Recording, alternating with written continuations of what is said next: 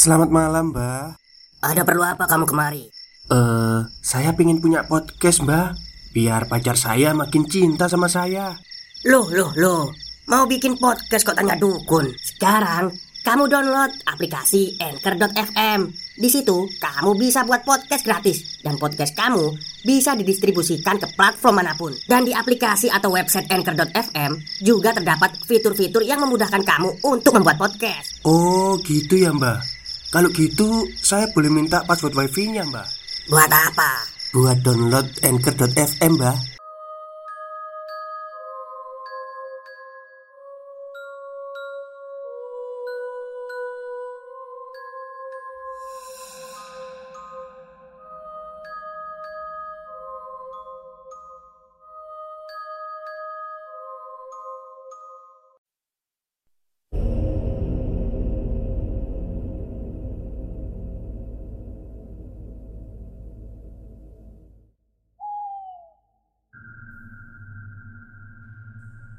Assalamualaikum warahmatullahi wabarakatuh. Halo semuanya. Jumpa lagi dengan saya Chow Sing Sing Kurator dari podcast Horror Night Story. Halo apa kabar semuanya? Semoga kalian semua sehat-sehat ya. Dan pada siang hari ini saya Tidak akan membawakan sebuah kisah horor ya tapi saya akan membawakan sebuah kisah sedih dari dunia sepak bola Indonesia kemarin Tragedi yang ada di Stadion Kanjuruhan Malang. Jadi Kenapa saya tertarik untuk mengangkat tema ini di podcast saya? Karena mungkin banyak dari masyarakat Atau para pendengar yang belum tahu kejadian sebenarnya yang ada di stadion. Jadi di dalam tulisan ini yang dikutip dari suara.com ini adalah uh, apa ya kesaksian dari beberapa narasumber yang ada di TKP waktu itu. Oke, daripada kita berlama-lama, mari saya bacakan ceritanya.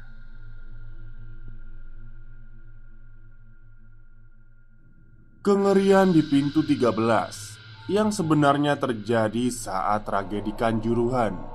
Pintu 13 Stadion Kanjuruhan, Malang Senin. Dikutip suara.com Yuliharto Simon. Perempuan, lelaki, hingga anak kecil Berdesak-desakan di hadapan gerbang keluar Stadion Kanjuruhan Dari arah lapangan polisi terus menembakkan gas air mata. Sementara gerbang terkunci rapat-rapat di pintu 13. Nyawa mereka melayang. Kopi hitam pesanannya belum lagi habis diseruput ketika Eko Arianto mendengar suara menggelegar dari dalam Stadion Kanjuruhan, Malang Sabtu 1 Oktober 2022 Tar. Tar. Malam belum begitu larut. Tapi Untuk ukuran pertandingan sepak bola di Indonesia Pukul 10 malam sudahlah hilir. Di dalam stadion Wasit baru saja meniup peluit Mengakhiri laga derby klasik Arema Malang versus Persebaya Surabaya.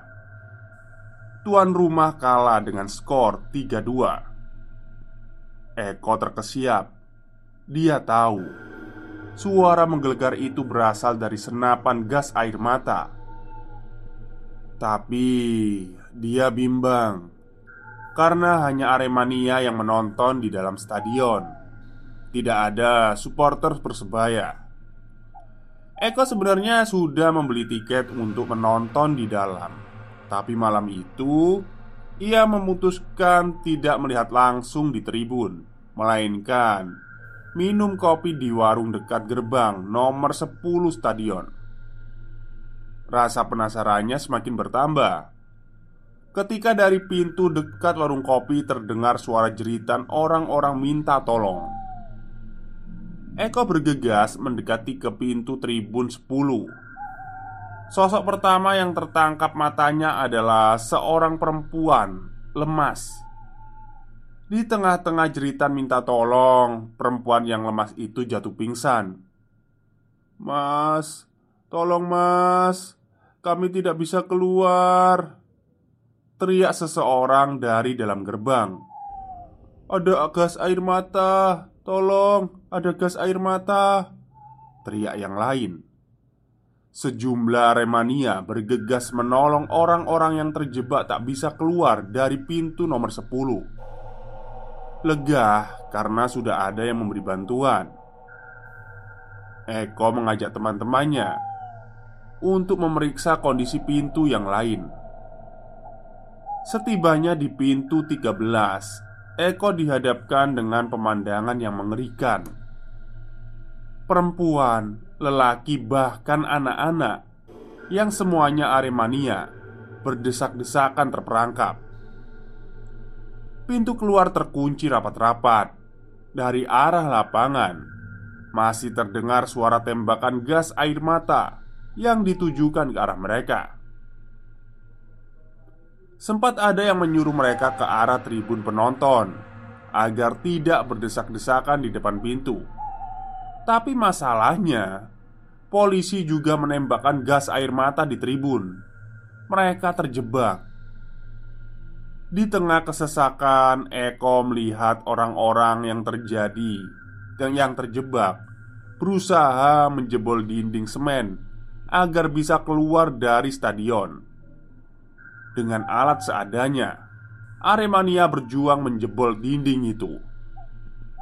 Eko dan kawan-kawannya berinisiatif mencari aparat keamanan di sekitar agar bisa membantu membuka pintu.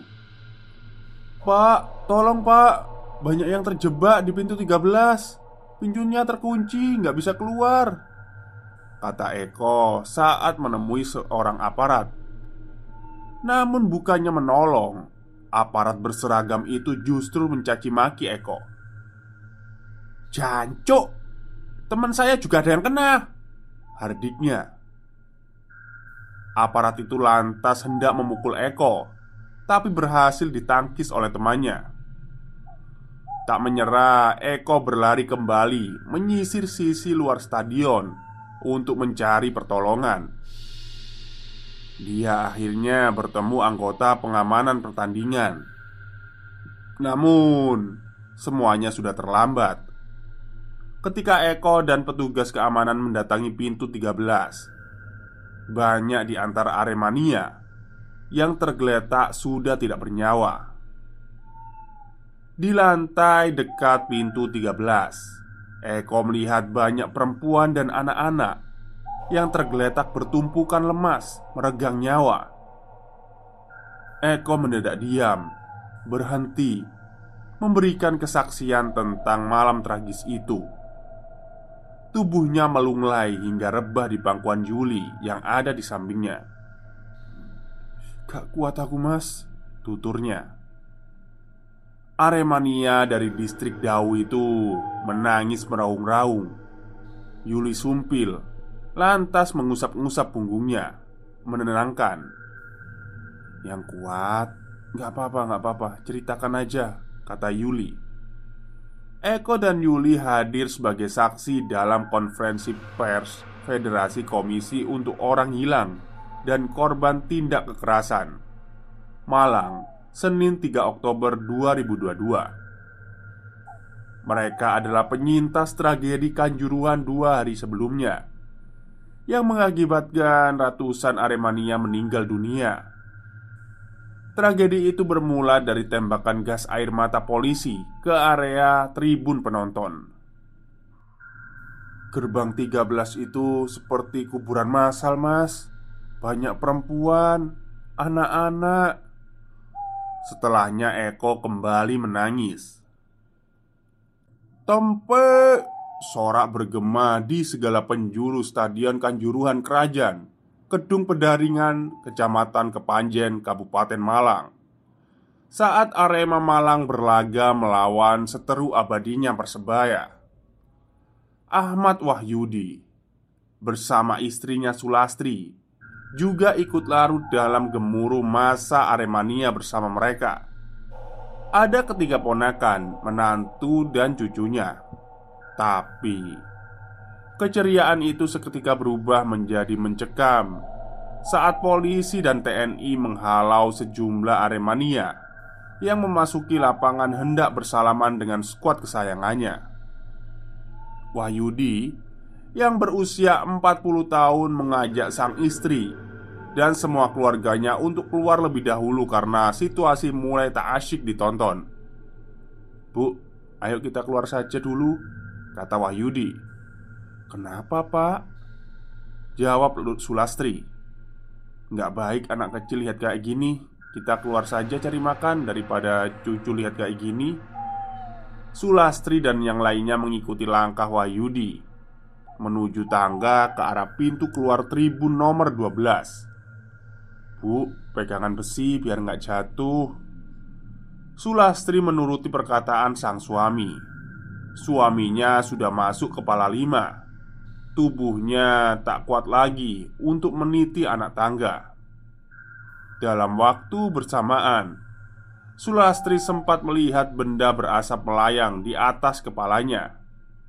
Seketika itu Seketika itu pula Matanya terasa perih. Benda itu adalah gas air mata yang ditembakkan polisi dari pinggir lapangan. Saking perihnya, Sulastri tak bisa membuka mata. Pada kesempatan terakhir, dia melihat dia menggampit tangan Wahyudi. "Pegangan semuanya, pegangan!" perintah Wahyudi. Wahyudi yang berada paling depan diikuti Sulastri, menantu, cucu, dan tiga ponakannya. Dari arah tangga, sekitar tangga, persisnya di tribun nomor 12 Aremania yang lainnya banyak berteriak ketakutan. Polisi menembaki mereka memakai gas air mata. Demi menyelamatkan diri Penonton bergegas ke tangga menuju pintu 12 sehingga Wahyudi sekeluarga harus melawan arus massa untuk sampai ke gerbang Ratusan orang berdesak-desakan Mencari jalan keluar. Tapi pintu 12 hanya dibuka satu sisi. Wahyudi mencari cara agar bisa menyelamatkan keenam anggota keluarganya. Sembari terus berpegangan tangan Mereka menyeruak mendekati pintu. Sementara dorongan Aremania dari arah belakang semakin kuat. Tak ayal, pegangan Wahyudi dengan keenam keluarganya lepas. Sulastri terombang-ambing di tengah masa yang berdesak-desakan. Dia terdorong ke sana kemari oleh supporter yang juga ingin selamat. Dada Sulastri semakin sesak. Kedua matanya tak bisa melihat karena perih. Dalam hati, dia hanya pasrah jika harus mati di pintu 12 Setelahnya dia sudah tidak sadarkan diri. Ketika siuman Sulastri justru harus menerima kabar buruk. Suaminya tewas. Sementara cucu, menantu, dan tiga ponokannya Berhasil keluar selamat dari stadion.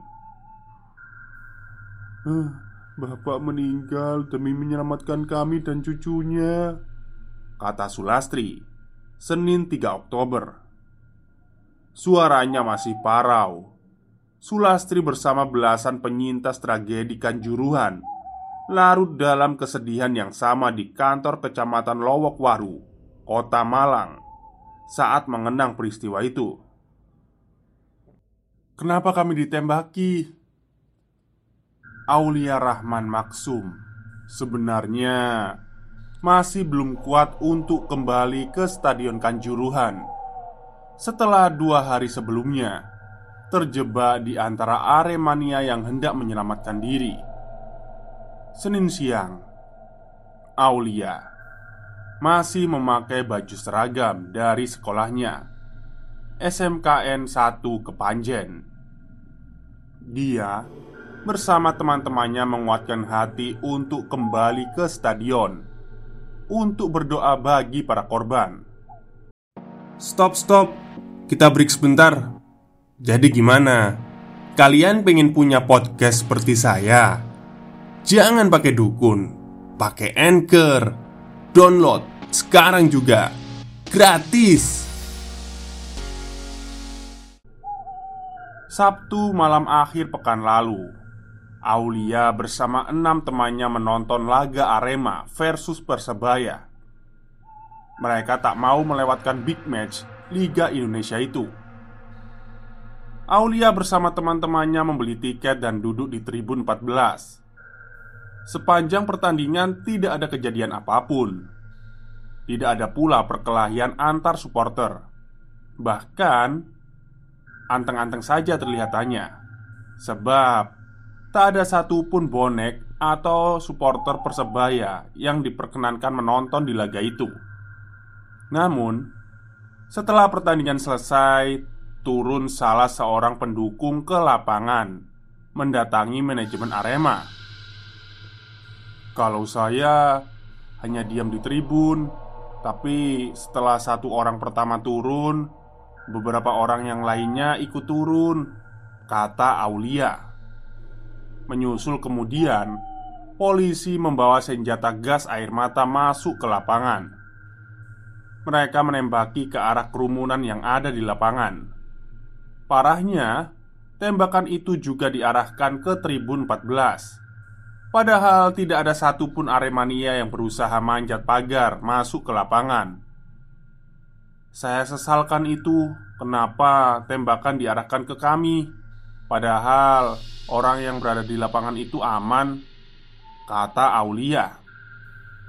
Tribun 12 dan Tribun 14 Menjadi sasaran polisi menembakkan air mata. Tak ayal Aremania di kedua tribun itu dikuasai kepanikan Dan berdesak-desakan ke arah pintu keluar agar selamat. Ketika itu Aulia berdiri paling depan Persis di depan pagar paling dekat sama polisi. Di, di, di tribun 14 Asap gas air mata sudah menggelayut pekat di udara. Dia tidak lagi memperhatikan kondisi sekitar. Aulia sudah tidak bisa melihat. Matanya pedih. Bahkan untuk bernafas pun susah. Pikirannya saat itu cuma harus bisa keluar dari stadion Aulia hanya bisa mendengar teriakan. Ada juga yang melontarkan caci maki ke polisi yang tak henti menembakkan gas air mata. Suara yang paling banyak saya dengar itu cewek, tapi ada juga suara anak-anak. Tapi saya sudah nggak bisa melihat apa pun. Jalan saja hanya bisa meraba sekitar, kata dia. Tatkala sampai di gerbang keluar, pintu masih tertutup rapat. Sangat padat manusia di tangga, saling dorong lagi tak terhindarkan. Aulia sudah berada di tengah tangga. Pada detik tertentu, ada dorongan dari atas. Akhirnya, semua orang di tangga terjatuh. Ingatan Aulia hanya sampai di situ karena detik selanjutnya dia pingsan. Saat terjatuh saling tindih Orang paling bawah itu meninggal dunia. Banyak banget yang seperti itu. Saya saja sampai pingsan. Saat sudah sadar Saya sudah di ruang VIP Kata Aulia. Aulia baru siuman minggu subuh Sekitar pukul 4 Ternyata Teman-temanlah Teman-temannya lah yang telah menyelamatkannya Nama-nama korban tragedi Kanjuruhan. Senin 3 Oktober 2022 Suara.com Dadang Hermawan. Seorang Aremania Berani bersumpah. Tak ada satupun di antara mereka yang menyerang pemain Persebaya Saat masuk ke lapangan seusai laga. Karenanya Dia merasa janggal Kenapa polisi langsung melepas tembakan gas air mata? Uh, setelah wasit meniup peluit tiga kali, dua teman dari sektor timur turun, tapi tidak menyerang, sebab pemain persebaya sudah masuk ke ruang ganti, kata dia. Dia mengatakan Aremania yang memasuki lapangan tak ada yang berniat buruk Apalagi berbuat rusuh Meski Arema Malang kalah dalam laga itu. Kawan-kawan hanya menyalami dan mensupport pemain Arema. Setelah itu diamankan steward Steward, petugas keamanan laga Meminta Aremania yang masuk ke lapangan untuk naik kembali ke tribun.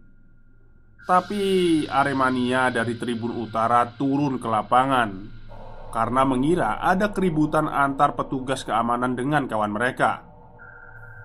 Ya, spontan turun Dikira ada gegeran atau ribut Ujarnya. Tak lama kemudian aparat merespon dengan tindakan represif Bawa tameng dan senjata untuk membubarkan kami.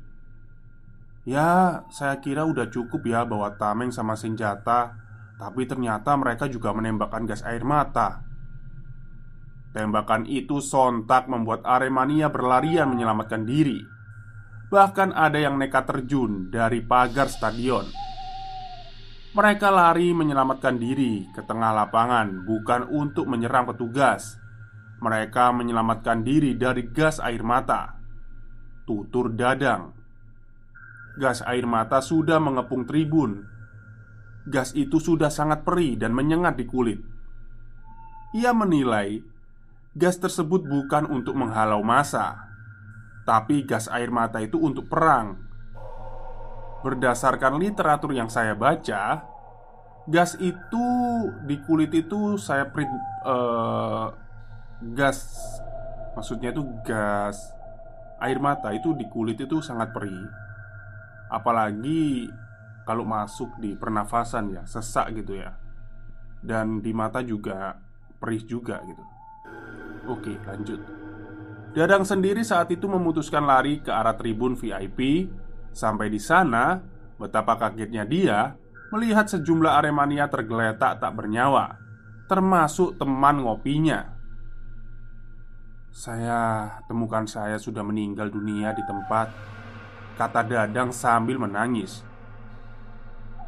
Dua hari setelah tragedi Kenjaruan, Kanjuruhan Kapolri Jenderal Listio Sigit Prabowo Mencopot Kapolres Malang AKBP Verli Hidayat. Presiden Jokowi memerintahkan aparat penegak hukum mengusut tuntas tragedi itu. Tapi belum ada yang ditetapkan sebagai tersangka.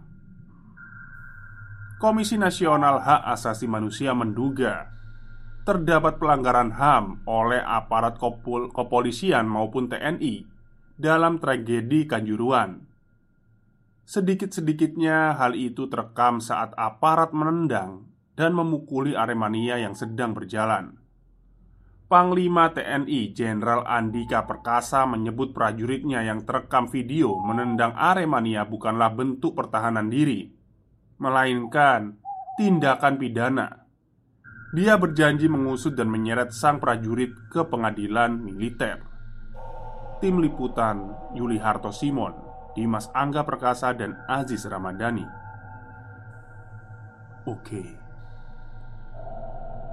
ini adalah cerita bukan cerita ser horor ya sebenarnya ya cerita seram ya dan menyedihkan dari uh, sepak bola kita, dunia sepak bola kita. Mengapa saya mengangkat kisah ini di dalam podcast saya? Karena saya kira ketika saya membaca berita ini itu saya uh, saya kira juga nggak semua ya ya. Nggak semua orang tahu apa yang terjadi saat itu.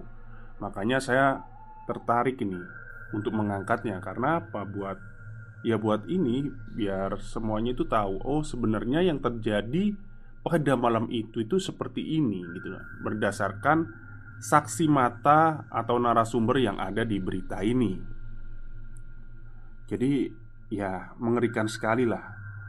Dan saya juga turut berduka cita kepada para supporter Aremania yang ada di Stadion Kanjuruan 150 korban jiwa meninggal di dalam stadion. Apalagi ternyata ada pintu di pintu 13 itu yang terkunci gitu ya.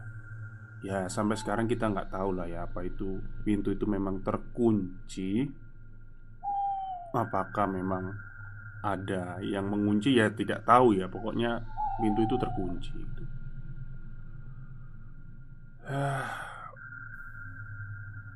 Sedih sih saya waktu mendengar beritanya itu Beneran ya soalnya saya juga punya teman di Malang, tapi untungnya alhamdulillah beliau juga selamat. Ya sempat nonton juga tapi alhamdulillah selamat. Saya sebagai uh, saya sebenarnya untuk masalah bola untuk jadi supporter ya ini ya bukan supporternya siapa-siapa tapi saya sebagai pengamat mengucapkan bela sungkawa yang sedalam-dalamnya kepada supporter Arema dan masyarakat Malang khususnya. Dan kepada keluarga yang ditinggalkan korban, semoga diberi ketabahan dan kesabaran. Amin. Baik, sebelum saya tutup podcast pada siang hari ini, saya minta Al-Fatihahnya sebentar buat para korban. Al-Fatihah.